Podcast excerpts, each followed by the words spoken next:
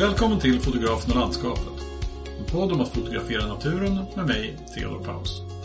Det här är avsnitt nummer 26 och idag gästas denna podd av Claes Torberntsson. Han fotograferar framförallt kustbilder, ofta från hans hemtrakter på västkusten. Han kommer berätta om ljuset och vågorna, klipporna och molnen. Han kommer berätta om hur han helt nyligen valt att bli fotograf på heltid. Och inte minst kommer han berätta om varför han alltid går och tittar ner i marken när han ska ta bilder med stora himlar. För egen del har jag ägnat mig åt bitterhet den senaste tiden. Som trogna lyssnare av denna podd vet har jag varit i södra England och fotograferat nyligen. Och det var en underbar natur och en underbar resa på många sätt. Men när jag gått igenom bilderna jag kom hem med så kan jag konstatera att jag är rätt besviken på vad jag presterade. Väldigt mycket taffliga bilder och egentligen ingen alls som jag tyckte blev riktigt bra. Många dessutom rätt tekniskt dåliga med felaktigt satt skärpa och annat. Jag trodde faktiskt att jag hade kommit längre än så här. Och jag skyller mina misslyckanden på vädret. Som konsekvent var klart när jag behövde dimma och dimmigt när jag behövde utsikt. Men eh, ja, det är såklart bara en undanflykt. Och mer rimligt är kanske att söka tröst i Ansel Adams klassiska ord. Att två bra bilder på ett år är att betrakta som ett bra år. Man måste helt enkelt ta många dåliga bilder för att ta några bra. Och så länge man försöker lära sig något av misstagen så gör man framsteg. Men även om jag vet att det där är rätt så känns det inte så kul just nu i alla fall. Men även om bilderna var en besvikelse så kan ingen ta ifrån mig processen och upplevelsen på plats. Jag kanske inte tog superbra bilder, men jag stod och gjorde det i en makalös miljö på en makalös strand i Cornwall medan det salta tidvattnet rullade in och solen smälte i horisonten. Och jag gjorde det i en mystisk skog med knotiga ekar övervuxna med lavar och mossa i Dartmoor. Och även om bilderna blev dåliga så gjorde jag mitt bästa där och då. Och ja, det är faktiskt inte så illa, trots allt. Som vanligt, ta gärna kontakt med mig på sociala medier och berätta vad ni tycker om podden. Jag finns på Instagram och på Facebook. Och på Instagram kommer ni också kunna hitta några av de minst dåliga bilderna som jag tog i England, om ni nu mot förmodan vill se dem. I vilket fall så tycker jag att ni ska gå in på Facebook och eh, gå med i Facebookgruppen för podden. Där berättar jag om kommande gäster och vi fortsätter samtalen mellan avsnitten. Och länkar till mina konton, till Facebookgruppen och till Claes Torberntsons bilder finns i anteckningarna till det här poddavsnittet. Och om du gillar den här podden och vill höra fler avsnitt, glöm inte att prenumerera i din poddspelare. Så missar du inget avsnitt. Men nu kör vi igång med dagens avsnitt. Välkommen till fotografen och landskapet, Claes Torberntsson. Ja, tack. Hur är det med dig? Jo, det är bara bra. Eh, sommaren har varit bra och man ser fram emot hösten. Men för du, du håller till i Uddevalla, visst stämmer mm. det? Ja. Eh, född och uppvuxen i Uddevalla eh, i Bohuslän. Mitten, hjärtat av Bohuslän kan man kalla. Ja, just det. Så jag har en nära till mina motiv. Ja, för det, du, du tar ju mycket motiv från inte minst kusten på ja, västkusten. Liksom. Ja, men det har, ju, det har ju blivit så. Man, man fotar ju oftast nära där man bor och för mig så har det blivit kusten. Eh, av förklarliga skäl att det är nära och att det är vackert och att det är någonting som jag som ligger mig varmt om hjärtat. Ja, ja det, det är, jag, jag har följt dina bilder under ganska lång tid nu. Liksom, jag vet inte riktigt när jag fick upp dem, ögonen för dem först. Men, men det, det har ju varit mycket de här liksom, ja, kustbilderna som på något sätt lockade mig till ditt foto liksom. Och det fick, fick mig att um, börja kika på dina bilder. Och, um, och en del av platserna som du har fotat på har jag besökt själv också. Uh, mm. uh, så det är extra kul att se. Vilka gillar du bäst då? Ja, ja jag vet inte. Men av dina bilder? Nej, av mina platser. Nej, men alltså den som jag kan relatera till mest är ju Ramsvikslandet. Mm. För, för, där har jag... Eh, eh, jag har varit där en gång. Eh, och det var... Det var väldigt kort besök. Det var bara liksom... Jag flög ner till Göteborg så åkte jag upp till dit. Så hade jag en fotografering på kvällen och så såg jag över där på den lilla vad de heter, Ramsviksgården heter det. Mm, det finns lite ja. olika boenden där, men Ramsviksgården är ju ett av dem som är bra. Ja, ja där, där bodde jag. Mm. Och sen så, så fotograferade jag på morgonen också. Så mm. det var liksom, det var nästan lite grann så här smash and grab över den fotoutflykten. Men, men jag fick med mig bilder som jag själv var ganska nöjd med. så att var, ja, jag har alltid velat åka, jag velat åka tillbaks dit. Ja, mm. Nej, men man, man bör nog kanske lägga en tre, fyra dagar om man ska eh, gå överallt. Nu har jag ju mm. varit där i många, många år. Jag har fortfarande inte gått överallt. Så att, eh, det, det, är ett fantastiskt ställe att fotografera på. Ja. Det är alltid nya motiv som man hittar. Ja. Det är ett, eh, ett drömställe för fotografering. Ja, det, det, jag var på den som hette Fykan och vad ska jag säga, heter det Grossholm, heter det så? Mm, Grosshamn. Grosshamn heter det. Ja. De två ställena var, var jag på. De ligger ju väldigt nära varandra. Ja, fast de var ändå väldigt olika. Liksom, mm. Fykan var ju så här släta, mjuka klippor och Grosshamn var ju mera eh, hur ska man beskriva det? Som, lite mer, eh, ja precis, lite mer rough kanske. Ja, precis. Mm. Och, och, och, när jag var där så var det väldigt lågt vatten och det var så jäkla halt. Ja. man får passa sig på de svarta partierna på klipporna. Då ska, där ska ja. man hålla sig ifrån. Ja, jag hade ändå sådana här um, broddar med mig. Annars hade jag inte kunnat gå där. Ja, det är smart. Mm. Men du, eh, eh, du fotograferar ju kust och en del andra typer av landskap också. på din hemsida har du även lite fåglar och djur också. Men det är väl kanske minst de här kustbilderna som på något sätt har blivit ditt, inte signum kanske, men det som du har gjort mest ja, nej, men Hur skulle väl... du beskriva det själv? Ja, men så är det väl. Och eh, det är väl det som jag har som har tagit mig dit jag är. Eh, just de här kustbilderna och den typen av bilder. Sen så fotar jag annat också. Jag är i skogen och jag fotar lite fågel och lite sånt men det, det är väldigt sällan jag visar det. Utan jag har valt eh, att vara lite smal i min, min fotografering bara för att för att nischa mig och bli riktigt, riktigt bra på, på någonting. Tar man eh, Lionel Messi så tränar han på att vara forward och inte på vänsterback. Precis. Ja, jag jag, tror, jag, jag, kan relatera till det där ganska mycket. Att man liksom på något sätt, jag, det, fast jag har svårt att göra det själv. ja. Man ja, måste ju nej. bestämma sig då liksom, för vad man ska ha den där nischen inom. Ja, men man, man ska ju göra det som man brinner för och man ska göra det man tycker är kul. Sen så tycker jag det är kul att fota i skogen också men uh, det blir inte samma. Sen är det så här också, det är mycket svårare att fota i skogen. Ja, eller hur? Visst är ja, det det? Ja, det är ju det finns ju ett par i Sverige som är otroligt duktiga på det. Till exempel då eh, Jukka Lausma som eh, han är ju riktigt vass på det där. Han kan ju hitta motiv ur, ur ingenting.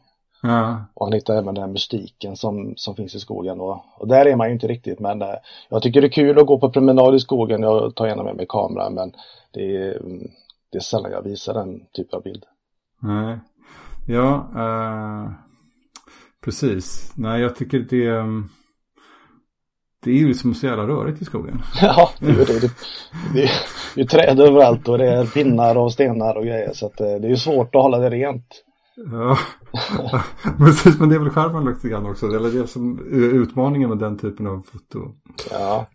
Men du, kan inte du berätta lite grann um, hur, hur, hur det började med naturfoto för dig? Mm. Hur du kom in i det liksom? Ja, det är ju faktiskt av en slump. Det var ju så här att jag sålde en fastighet för ganska precis tio år sedan. Och eh, fick en massa pengar över och eh, jag hade alltid velat ha en bra kamera för att eh, dokumentera min dotter och familjen när vi åker på semester där och solresor och sådär och jag fick hem den här kameran. Och kunde ingenting. Jag visste inte vad bländare var, jag visste inte vad ISO var. Slutade tidigt var ju arabiska. Ehm, Ehm, men jag gick ut i trädgården i alla fall. Jag bor i Uddevalla vid eh, den stora bron som kanske många känner till. Ehm, bron, Uddevallabron som går eh, eh, runt E6 där. Så jag gick ut i min trädgård och så fotade jag den här bron och jag fotade lite blommor och fotade lite träd och så tittade jag på i, i manuellt läge på kameran. Och tittade på bilderna och tyckte att nej men de var ju skarpa och fina och sådär. Alltså visste jag ju det att om man, nu, om man nu lär med kameran på ett vettigt sätt så kan man ju faktiskt påverka bilderna. Så jag bestämde mig faktiskt för att eh, lära mig kamera. Mm. Eh, läste instruktionsboken ett par gånger utan och innan. Och så efter ett par, tre veckors eh, läsande så gick jag ut i trädgården igen och fotade samma typ av motiv i manuellt läge.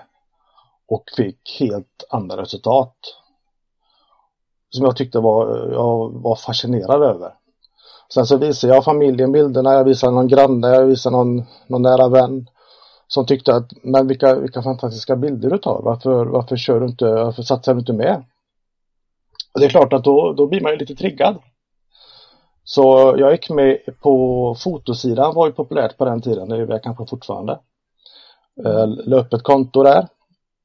Där jag visade mina bilder för andra fotografer och fick väldigt, väldigt fin feedback.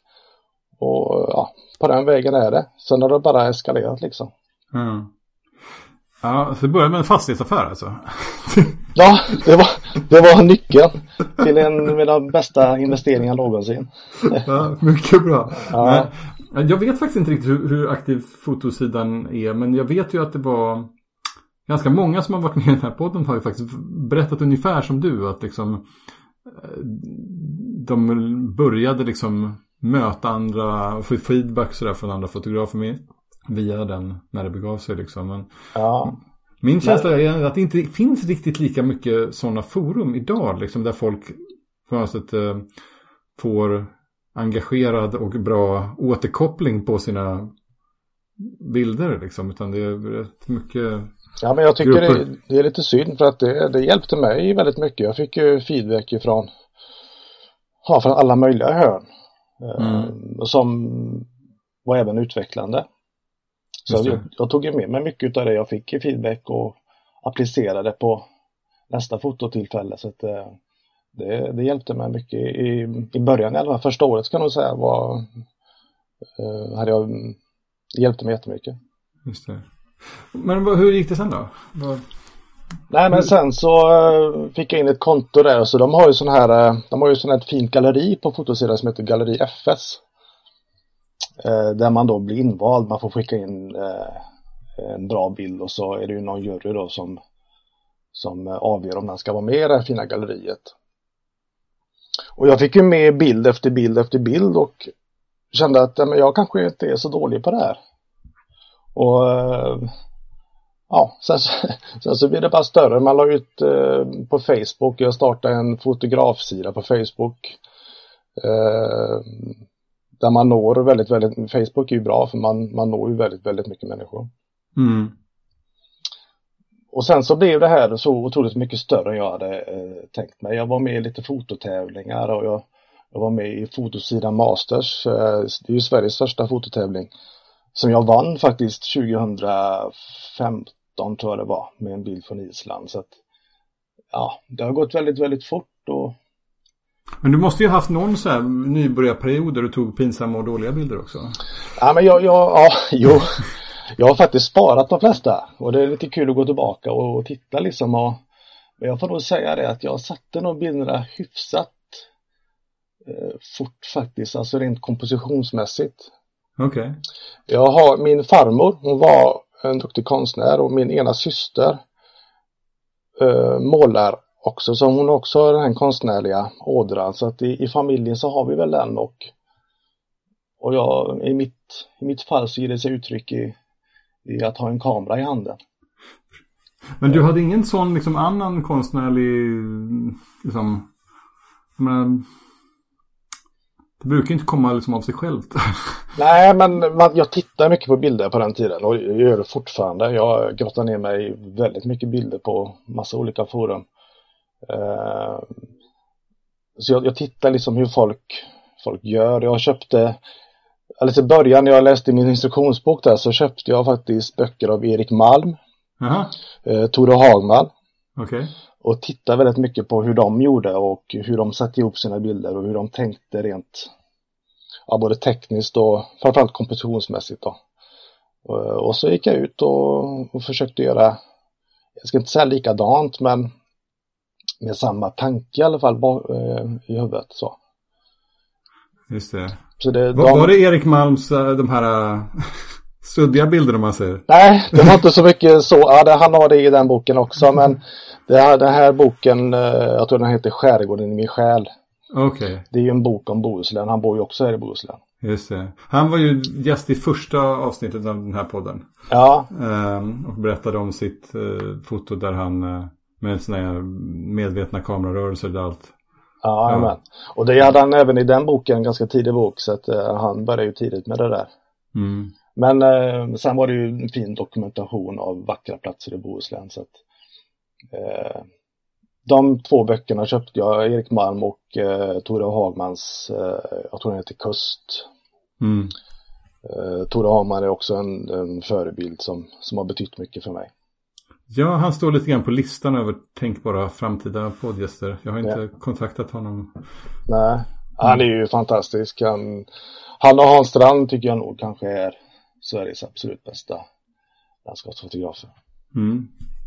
Ja, men för att nu har du kommit till en punkt där du liksom är fotograf på heltid sedan ganska nyligen. Stämmer Mm. Ja, det stämmer. Jag sa upp mig från mitt jobb som arbetsledare på ett handelsföretag i, i mars för att eh, satsa på fotografyrket heltid. Men eh, det var inte, det var ingen självklar grej att jag skulle göra det utan eh, jag fick faktiskt möjligheten att jobba eh, tillsammans med ett eh, mediaföretag som heter U-Town Media Okej. som jag, som jag jobbar för. Samtidigt som jag då kör mitt eget företag. Så att eh, det är två, två stöttepelare som gör att jag kan eh, leva som fotograf. Vilket idag är eh, få förunnat. Just det. Men är, är, ska du liksom i, i din fotograf, som yrkesfotografi om man säger. Mm. Vad, vilk, är det liksom, ja, vilken typ av foto ägnar du dig åt då? Är det liksom renodlat naturfoto eller är det andra? Ja, i, mitt eget för, ja, I mitt eget företag så är det ju naturfoto, landskapsfoto. Eh, jag kör ju kurser ihop med Viktor Sundberg. Han är också medlem i Naturfotograferna. Ja, Vi arrangerar resor ihop och eh, kör lite utbildningar och sådär. Sen har jag ju föreläsningar på fotoklubbar. Eh, Jag kör även lite produktfoto, eh, bröllopsfoto, porträttfoto i mitt eget företag. Sen, i det. sen är det mediaföretaget så fotograferar jag fastigheter för eh, fastighetsbyrå. Så det är ju lite Hemnet-grejer där då. Sen kör vi även lite filmproduktion i det här mediaföretaget där. Okej. Alltså det är lite bredare då. För jag misstänker att det är, det är liksom en eh, hyfsad eh, utmanande ekonomi att vara naturfotograf i Ja. Sverige i alla fall. Ja, det är, ju, det är ju väldigt svårt att, att leva som naturfotograf. Då får man nästan um, vara reseledare på de här stora eh, resebolagen, Zonfotoresor och Wine Nature och allt vad de heter. Ja, och då blir man väl liksom inte bara, då blir man ju som du säger lite reseledare också, kanske mer det än Ja, en fotograf? Och det gör vi också, jag och Viktor Sundberg då, vi arrangerar ju resor till Lofoten bland annat och vi har ett annat på gång också här framöver så att eh, eh, Ja, det går, det går liksom inte bara att, att leva på sina bilder som man kanske gjorde förr när man sålde böcker och, och sålde bilder. Jag säljer en hel del bilder nu också men inte så att man kan leva bara på dem liksom. Nej. Men det måste ju ändå vara väldigt kul liksom. För att jag menar, eh, det är säkert roligt att arrangera de där resorna också. Men liksom eh, när, när någon väljer liksom att köpa en bild liksom och hänga den på sin vägg och sådär. Det, det Ja, måste ju men det är en... ju otroligt erkännande att eh, för det första så fotar man ju för sig själv.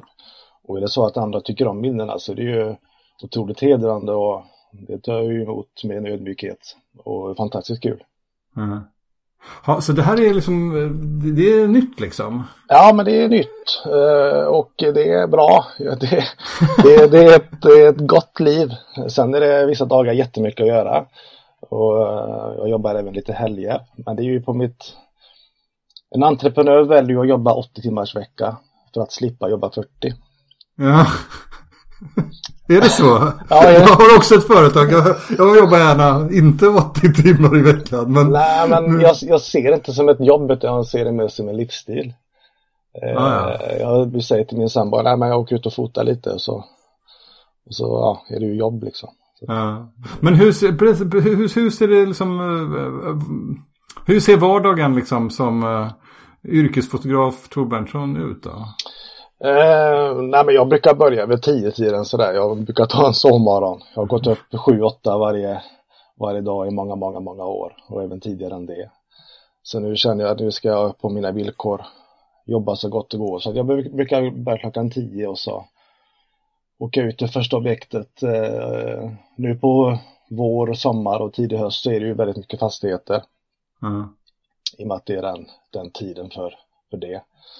Uh, så det, det, är egentligen fyra, fem timmar aktivt fotografierande varje dag. Okay. Och då är det mesta uh, fastigheter. Sen här har vi även lite produkter och sådär som jag kör också när tid finnes som jag fotograferar. Jag fotograferar faktiskt hörlurar för närvarande. Så, att, eh, okay. så, så glamoröst är det.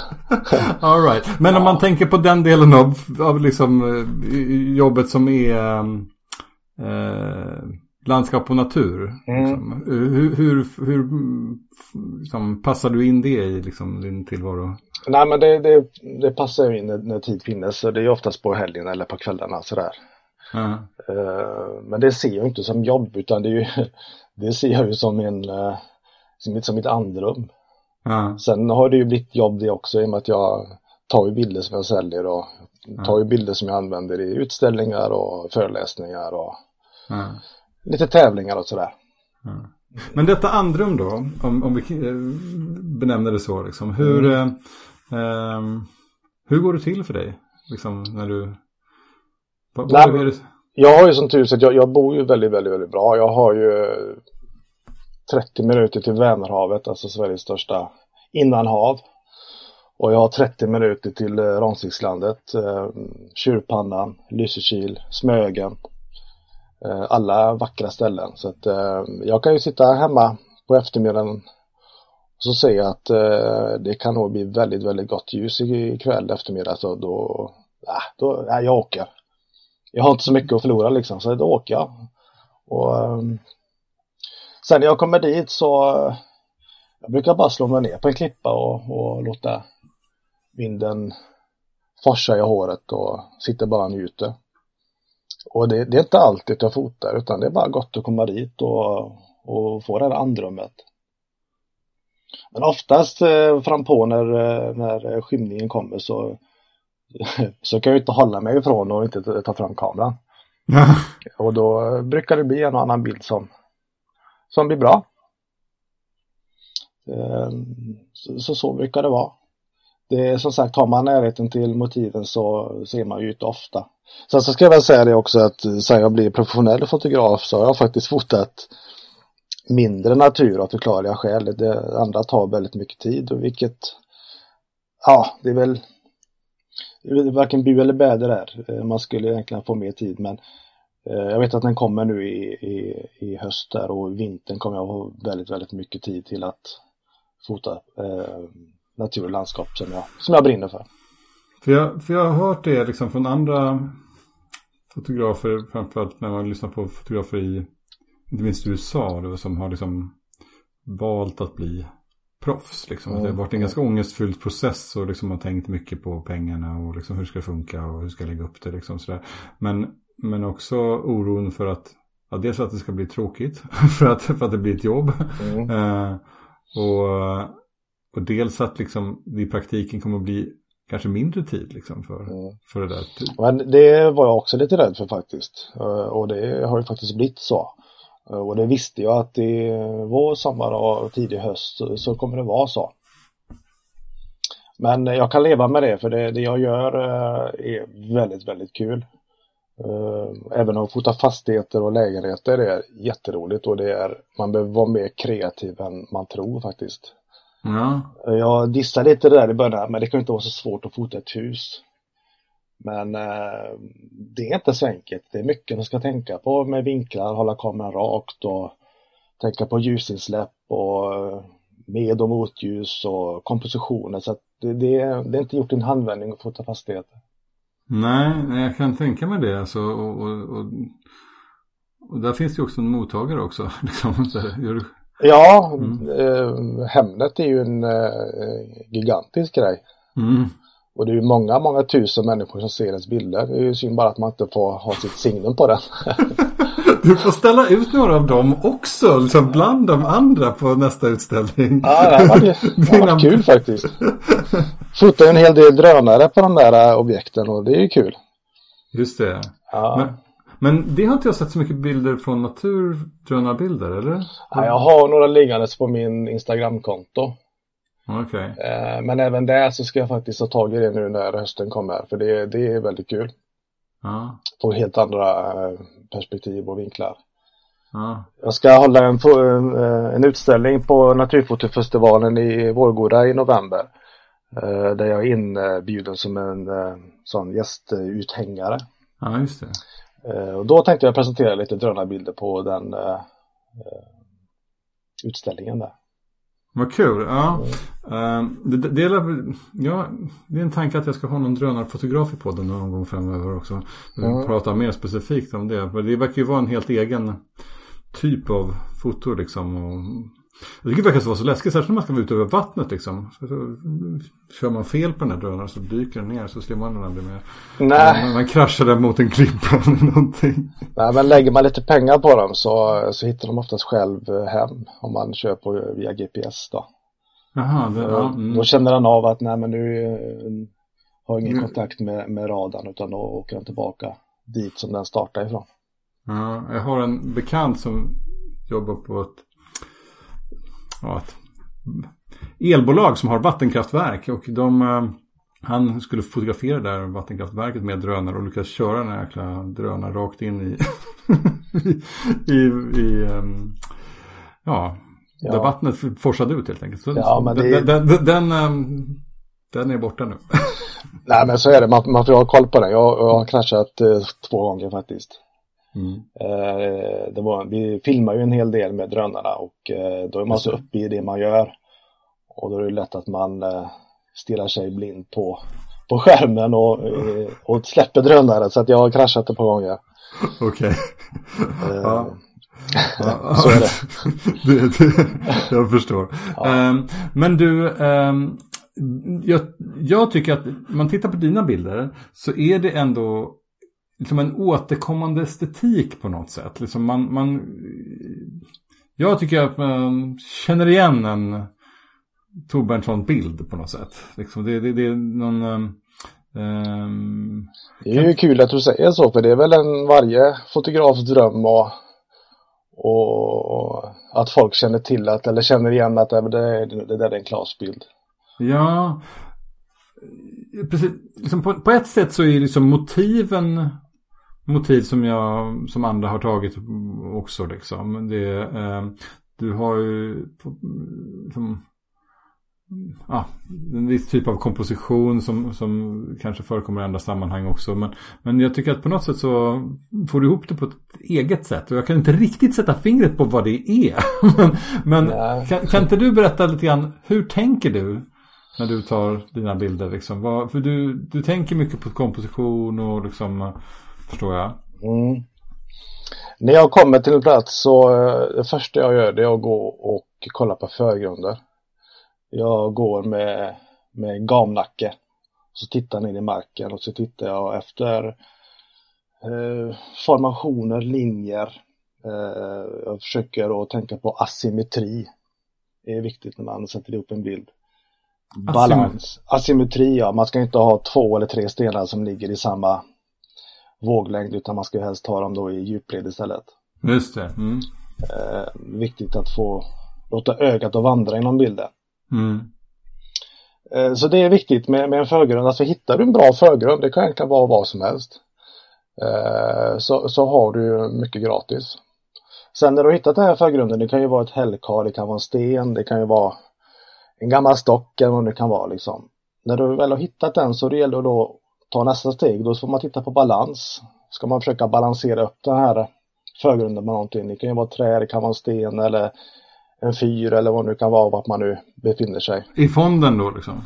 Ja, mm, ja precis i, i, i horisonten med då. Mm. Så man, så man inte riskerar att bilden blir höger eller vänstertung så man ska få en fin balans i den.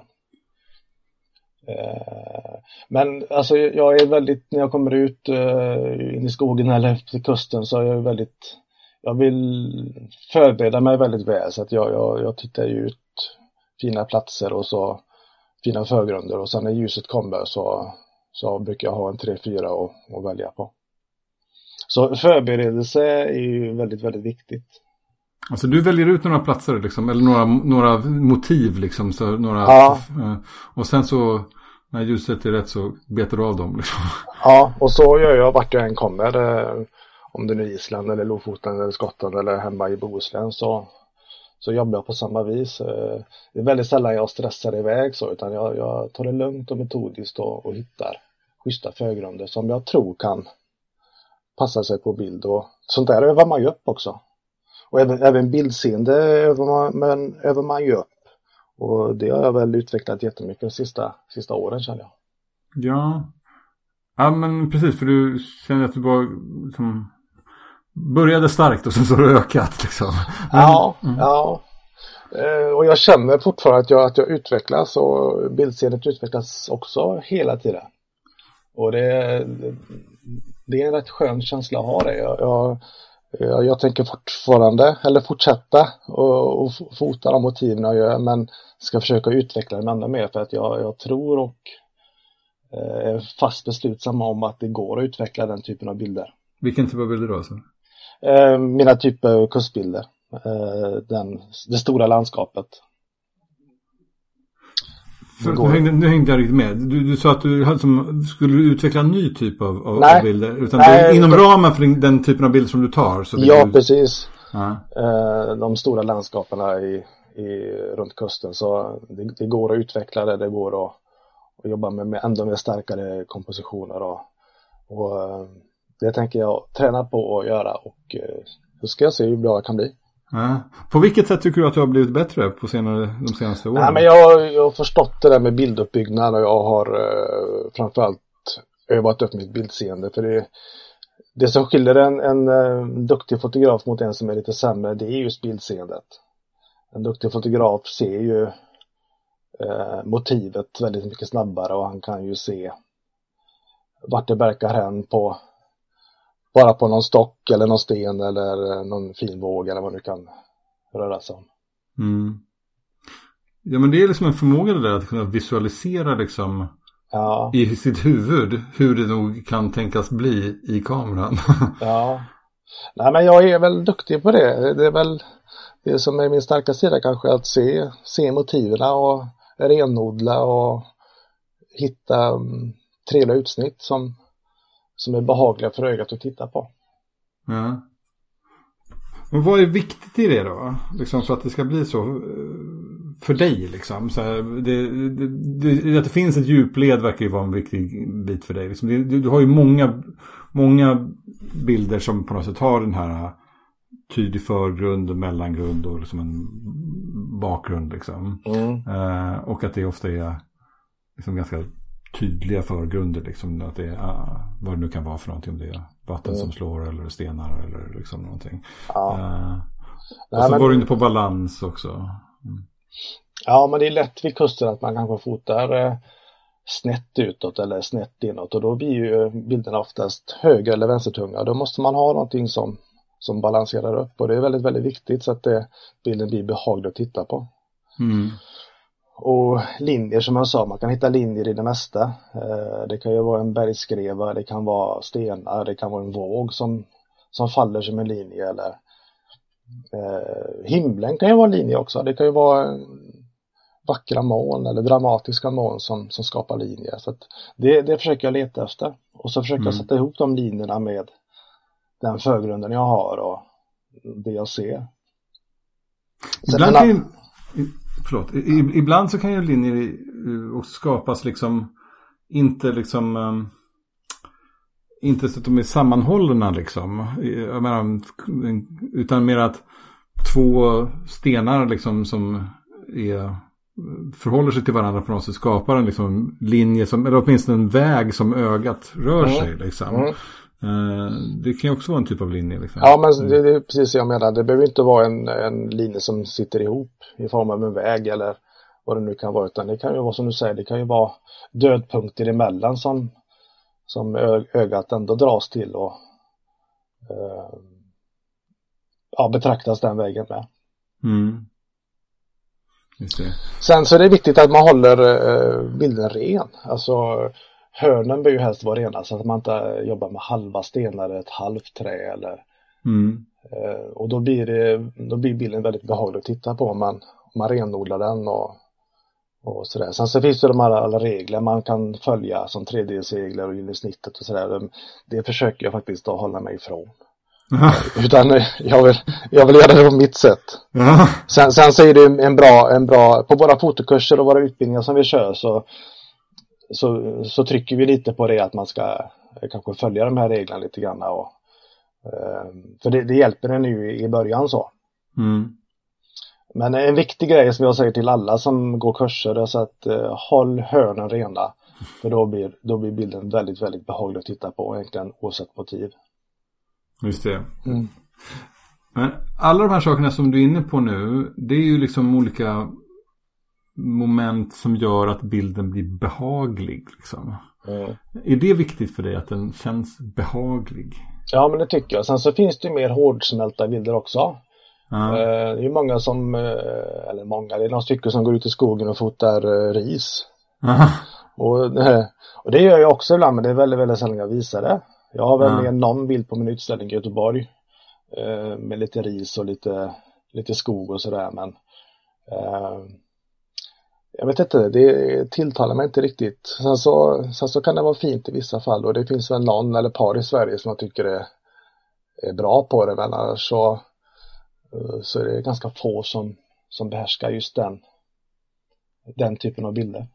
Alltså det är svårt att ta bilder på ris så att det blir spännande. Ja, alltså, men, det, det, kräver ju en hel del. Ja, men det gör det. Men, och det, det är en utmaning. Uh, och jag har tagit en del sådana bilder men jag har inte valt att, att visa dem. Mm. Nej, det, alltså, det kan man ska göra. Ja, men för jag tänker att det är någonting som är lite annorlunda med mycket naturfoto eller så här landskapsfoto jämfört med andra typer av liksom, konstnärligt foto. Eller, eller konst överhuvudtaget. Liksom. Där, där man ju ofta försöker liksom de, där pratas det ofta mycket om skav.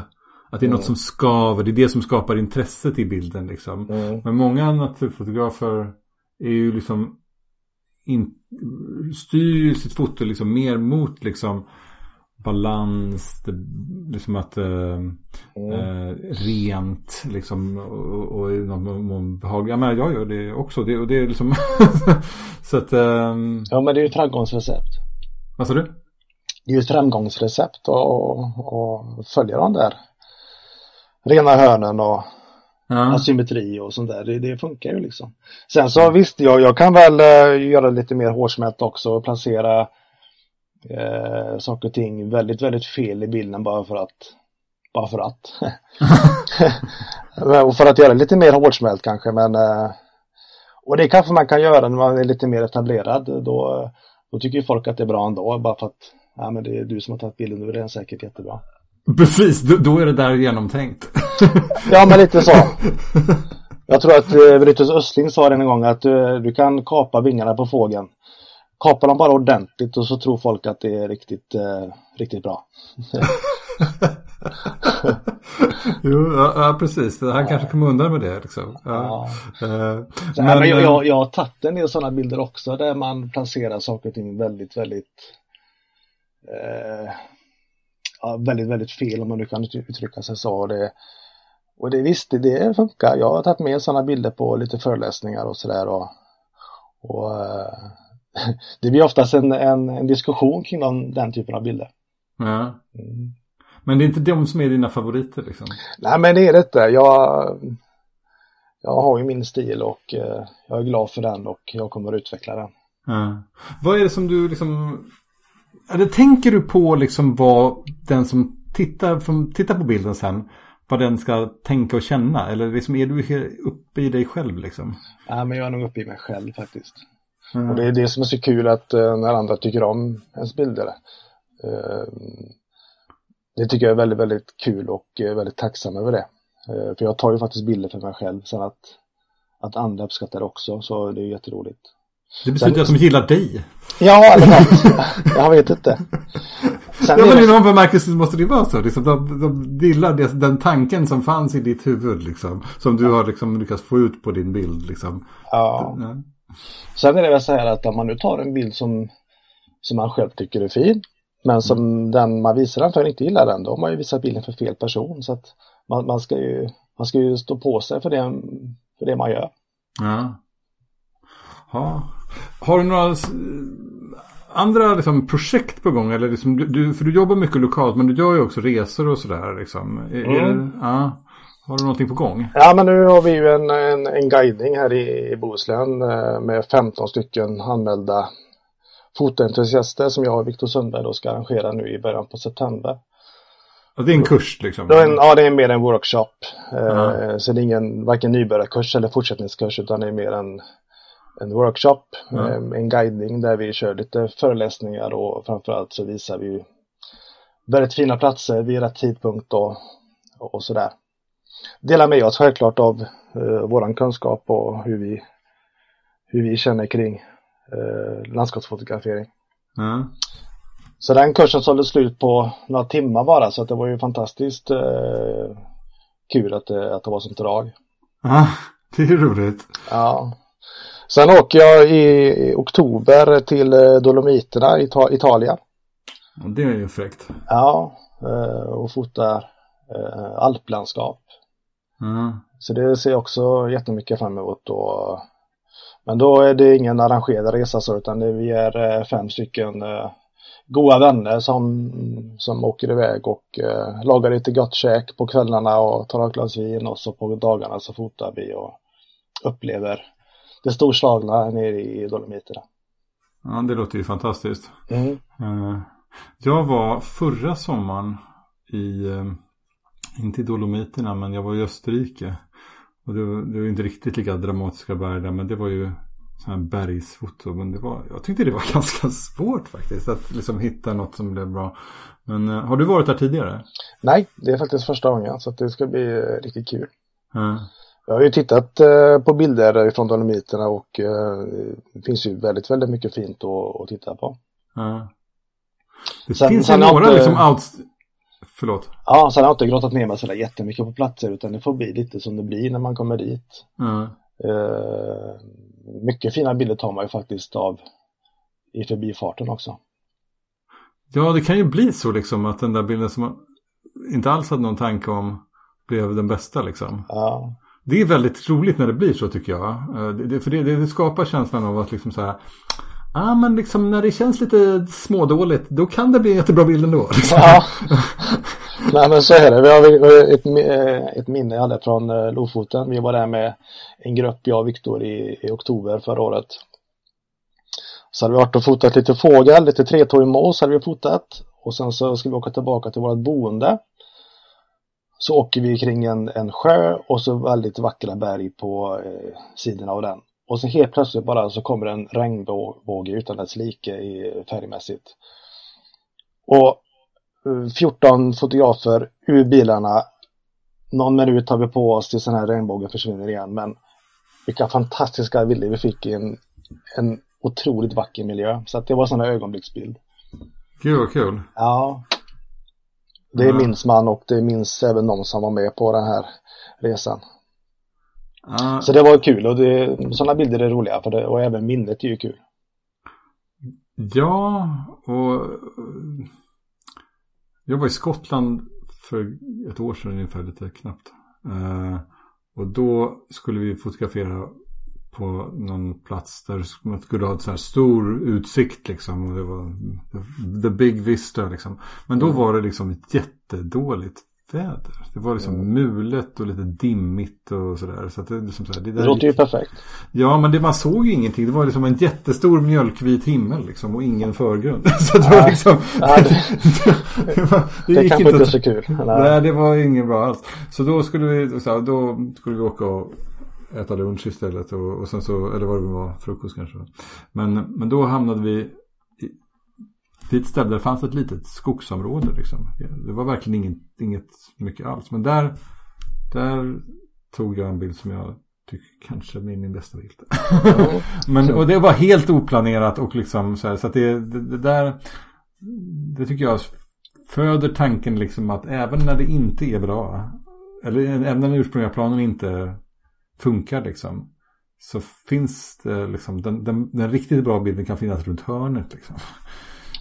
Ja, nej men så är det. Man behöver inte åka så jättelångt egentligen.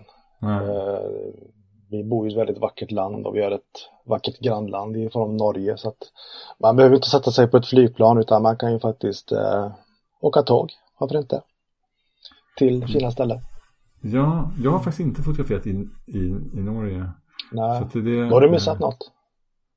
Ja, jag har det kvar. Ja, vad bra. så det, det, är inte alls omöjligt att jag kommer att göra det, men jag har liksom inte kommit iväg dit. Ja, då uh, tycker jag du ska göra det. Och sen så tycker jag att du ska åka till Jotunheimens nationalpark. Det är inte... Där är där det finns de här fina, liksom randiga klippformationerna, är det inte så? Där det är liksom olika färger i, i, i klipporna. Ja, men det finns det garanterat. Och sen så är det ju en ganska storslagen, mäktig miljö där det är mycket väderanslag och sådär eh, som vi naturfotografer och framförallt landskapsfotografer älskar. Mm. Det är mycket forsar och mycket dalar och höga toppar, en del glaciärer och en del snö, snöiga toppar. Så det, det där är ju ett fantastiskt ställe att fotografera på. Det, mm.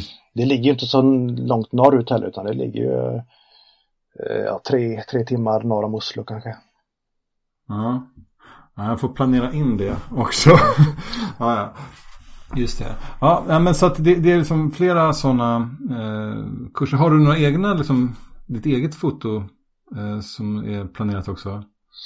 Mm, nej, det kan jag inte säga. Inte mer än den där Italienresan och så uh, utställningen i, i Vårgårda då i november. Man också jättegärna komma och titta på den. Ja. Eh, det där uh, Naturfotofestivalen i Vårgårda är ju årets uh, höjdpunkt där rekommenderar faktiskt folk att åka och titta på. Det håller på under två dagar, det är en stor mässa kring det med fotoprylar och kameror och, och även en eh, större fotoutställning då, som jag är gästutställare till i år. Men det är även andra fotografer som, som hänger ut där. Och sen är det väldigt, väldigt fina föreläsare och bra föreläsning och ett väldigt väl arrangerat eh, event kring mm. foto. Alltså jag, jag, jag, har velat åka dit både förra året och dess, året dessförinnan. Men det är en ständig förhandling för familjen. Ja. Och, för att det ligger mitt i höstlovet. Ja. så att jag, jag, jag, ja, juryn är fortfarande ute om huruvida jag kommer komma dit i år. Men viljan finns i alla fall. Spännande, får se man ser det då. Ja, det får vi se. Men eh, det, så det, det kan bli så. Men du, jag tänkte prata lite grann om en annan grej som har med dina bilder att göra. Och det är ju liksom eh, tiden. Alltså, och inte minst när det gäller vattenrörelser. Mm. Eh, för att du har ju ganska mycket bilder där det är liksom framförallt vatten som slår i förgrunden. Liksom. Mm. Mm. Och det märks ju på dem att du liksom det är ingen slump hur du har ställt in. Eh, kan inte du berätta lite grann hur du jobbar? Det är så, för jag tycker det är jättefint liksom hur du eh, får till liksom precis lagom mycket rörelse. Och det, där, liksom, där vattnet också inte bara blir liksom lite allmänt eh, mjukt och vackert utan också skapa linjer på ett genomtänkt sätt. Liksom. Kan du inte berätta lite grann? Jo men det, det kan jag göra. Det, det börjar väl egentligen i, i samma veva som jag läste instruktionsboken där att man kunde påverka bildens kvalitet och utseende med, med slutartid. Så jag åkte faktiskt ut ett ställe i, i Lysekil som heter Stång i huvud. Mm. Ett väldigt eh, vackert ställe och eh, bra ställe och öva just slutartider på för oftast går det bra sjö där. Och nu får du inte förklara mig. Jag åkte nog dit första halvåret kanske två, tre dagar i veckan. Mm. Och stod och nötte, nötte, nötte. Tog samma motiv i princip. Men med olika slutartider. Jag lärde mig läsa vågen. Jag lärde mig allt som har med, med vattnet och rörelse att göra. Sen eh, har jag utvecklat det där och, och lärt mig ta vågen på rätt sätt. Och de flesta tar nog vågen när vågen slår in. Mm. Men jag brukar faktiskt ta vågen när vågen slår tillbaka. Mm. Då får man de här linjerna, då får man det här tillbakarinnet som jag brukar, som jag brukar säga. Mm. Och då kan man med, med, med lite timing och lite eh, känsla få de här sköna vattenlinjerna som jag rekommenderar även att ha på sig stövlar. Ja, absolut. Mm. Jag, jag kan också rekommendera att om det är tidvatten så eh, ha höga stövlar. Ja, det, det jag var förra, för ja, två veckor sedan var jag här nu i, så var jag i, i Cornwall och fotograferade i en tidvattenstrand. Mm. Och det, då kom det ju, det, jag trodde inte det var någon, liksom, ja, jag tänkte jag stod med, med god marginal bort ifrån vågorna. Liksom. Så kom det en våg. Liksom. Och den, föll, den var, gick ju över mina stövlar. Så jag, de följdes liksom. ja, men det har hänt några gånger. Nåväl, ja, förlåt. Fortsätt. Ja. Nej, men det handlar om att, att vara ute när det är hårt väder och så får man gå, man får ju vara försiktig, man får känna till området och sådär så att man inte drattar i och helst kan man ju vara två. Och tyvärr ser jag väl inte alltid två utan jag är oftast ensam. Men, men jag, har, eh, jag har respekt för naturen och respekt för vattnet och eh, jag har hittat platser där jag vet att här är jag säker. Mm. Eh, och så får man ställa sig och så får man bli blöt helt enkelt. Man får ha bra utrustning och så får vågen slå in och så får man stå där i, i inte en halv meter högt vatten men 20-30 centimeter i alla fall och så får man vänta tills vattnet går tillbaka. Eh, då får man de här sköna linjerna. Sen så ska man ju helst hitta någon skön sten då som vattnet kanske kan rulla runt eller slå emot eller slå över och sådär. Så att, ja. Va- Eh. När, när tycker du att det blir rätt liksom? Tänker du sluttartidsmässigt eller? Ja, eller liksom hur det blir i bilden liksom. Uh, nej men det är väl när man får den här eh, strukturen i vattnet.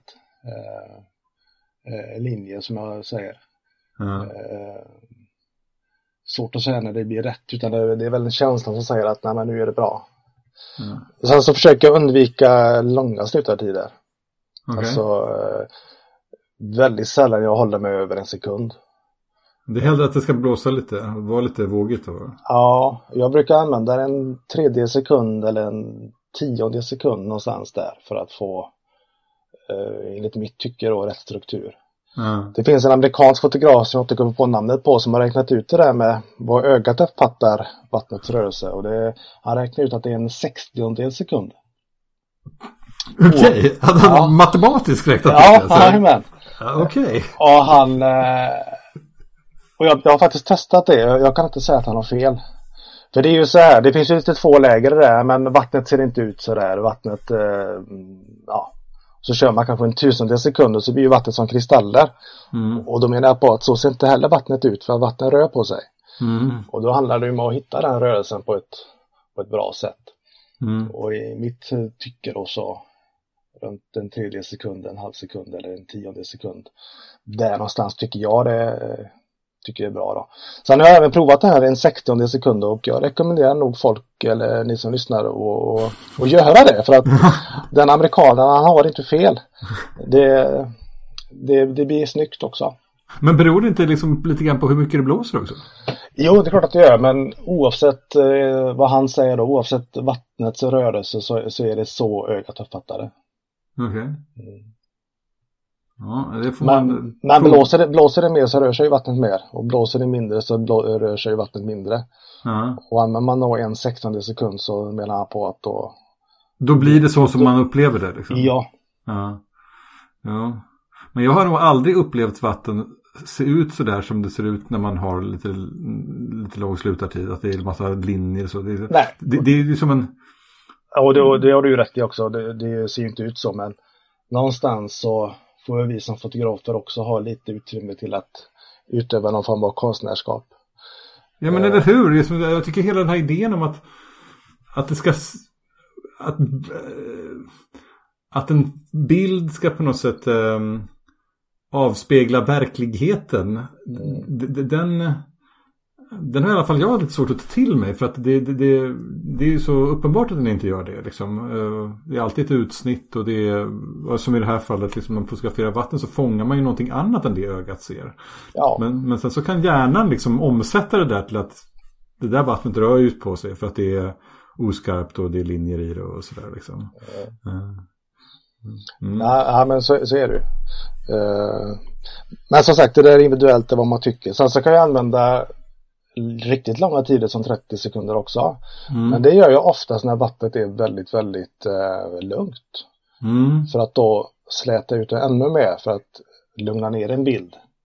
Jag kan, jag kan, även använda det i, jag tar ju mycket hällkarsbilder, alltså vattenpölar. Ja. Vad heter det för någonting? Hällkar.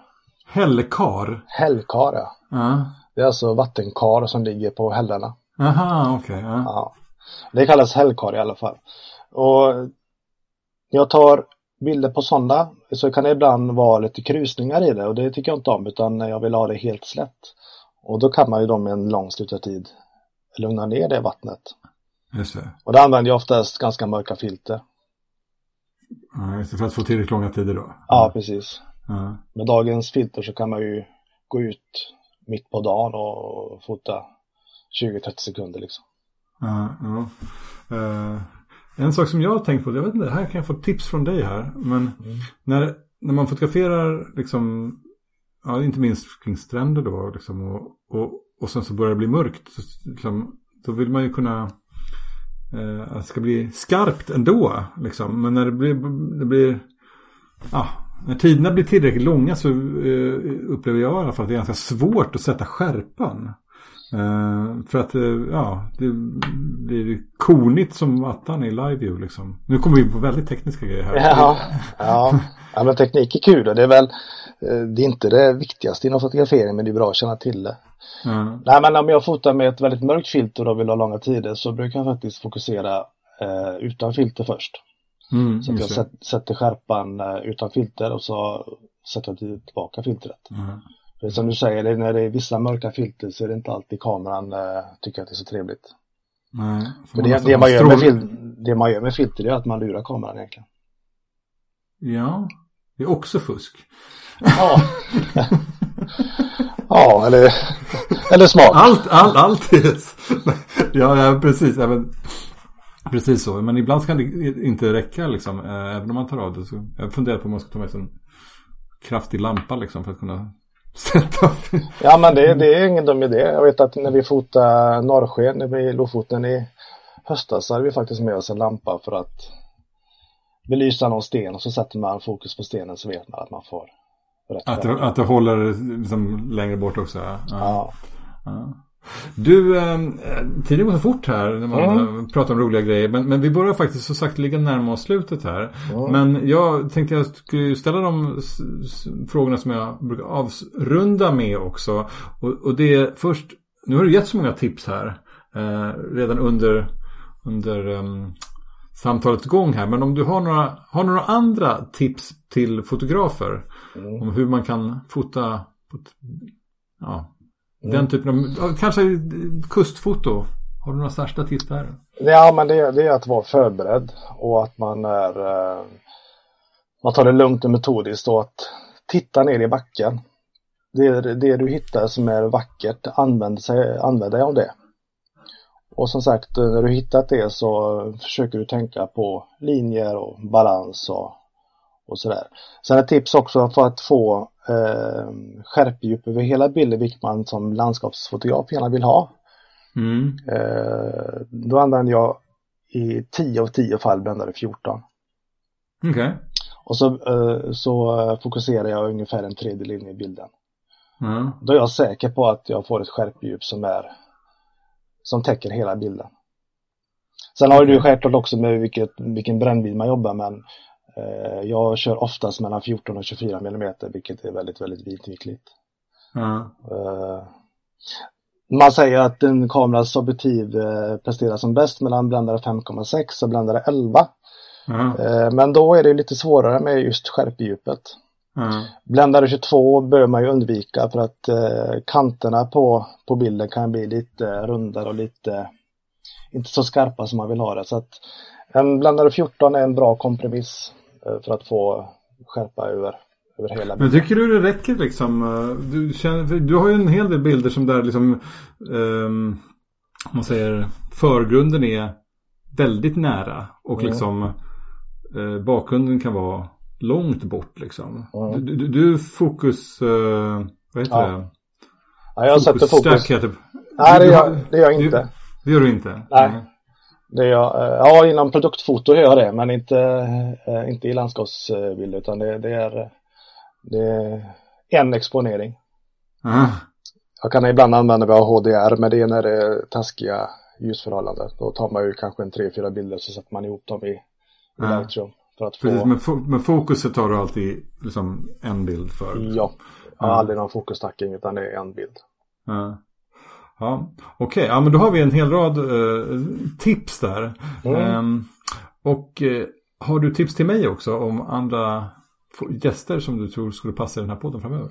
Jag har ju en kille som har betytt mycket för mig som jag gärna skulle vilja eh, att folk får höra på för han är väldigt duktig pedagogisk och en otroligt duktig fotograf. Mm. Och han är, eh, han är också medlem i, i Naturfotograferna. Han heter Viktor Sundberg.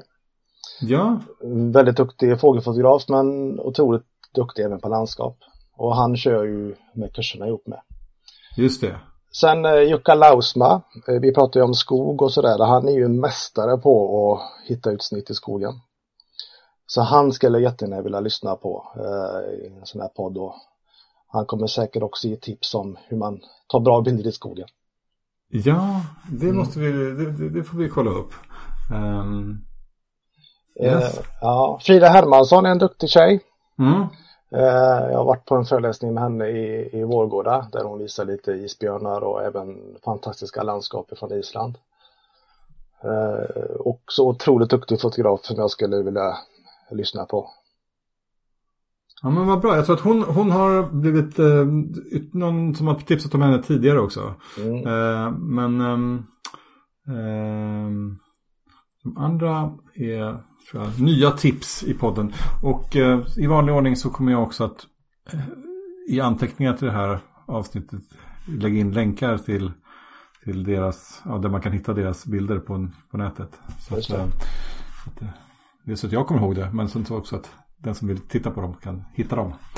Ja, men du, då måste vi runda av här. Nu är det slut. Ja. Ja, Stort tack för att du var med, jättekul. Ja, tack själv. Och kul att vara lycka, med. ja, och lycka till med eh, Vårgårda också. Ja. Ja, tack snälla. Ja. Hoppas att vi ses då. Ja, det hoppas jag också. Vi säger Ja, så. ja tack. Hej, hej. Hej, hej.